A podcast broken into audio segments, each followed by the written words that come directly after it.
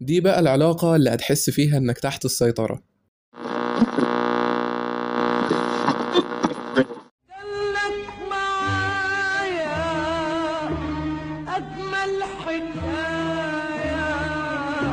العمر. بقولك إيه؟ حضر قهوتك وتعالى عندي ليك موضوع مهم. هتلاقي نفسك مع حد كل حاجة عنده بالورقة والقلم. كل خطوة محسوبة كل شيء مدروس مفيش أي فرصة للخطأ.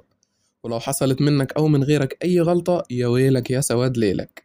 لوم وعتاب وتعذيب ضمير بلا نهاية. الشخص ده بيحب كل حاجة تبقى منظمة ومظبوطة وفي وقتها وفي مكانها.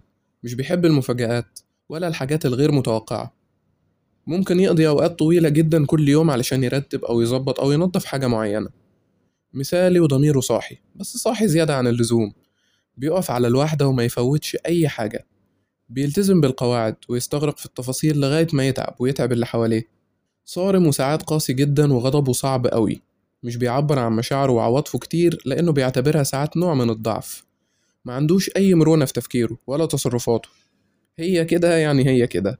حريص شوية وبخيل شويتين. في الحقيقة التعامل مع حد بالشكل ده صعب. ويا سلام لو أنت من النوع التلقائي شوية. لأنك هتحس طول الوقت إنك مضطر تحسب حسابات كتير قبل ما تقول أي كلمة. أو تتصرف أي تصرف لأنه لو ما عجبوش هتقوم القيامة بجد. وكمان هتتعب جدا معاه عاطفيا لأنه بالرغم من كونه عنده مشاعر جياشة وحساس قوي لكنه كتوم ومش بيحب يظهر اللي جواه بسهولة.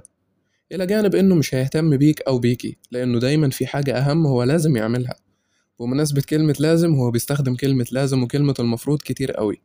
الشخص ده بيسموه موسوس. لو لقيت نفسك في علاقة مع حد بالشكل ده أو لو لقيتي نفسك في علاقة مع حد بالشكل ده من غير ما يتعالج طبعا خليكم عارفين إنكم هتخسروا تلقائيتكم وهتدفنوا إبداعكم وطول الوقت هتشكوا في نفسكم فخدوها من قصرها وامشوا.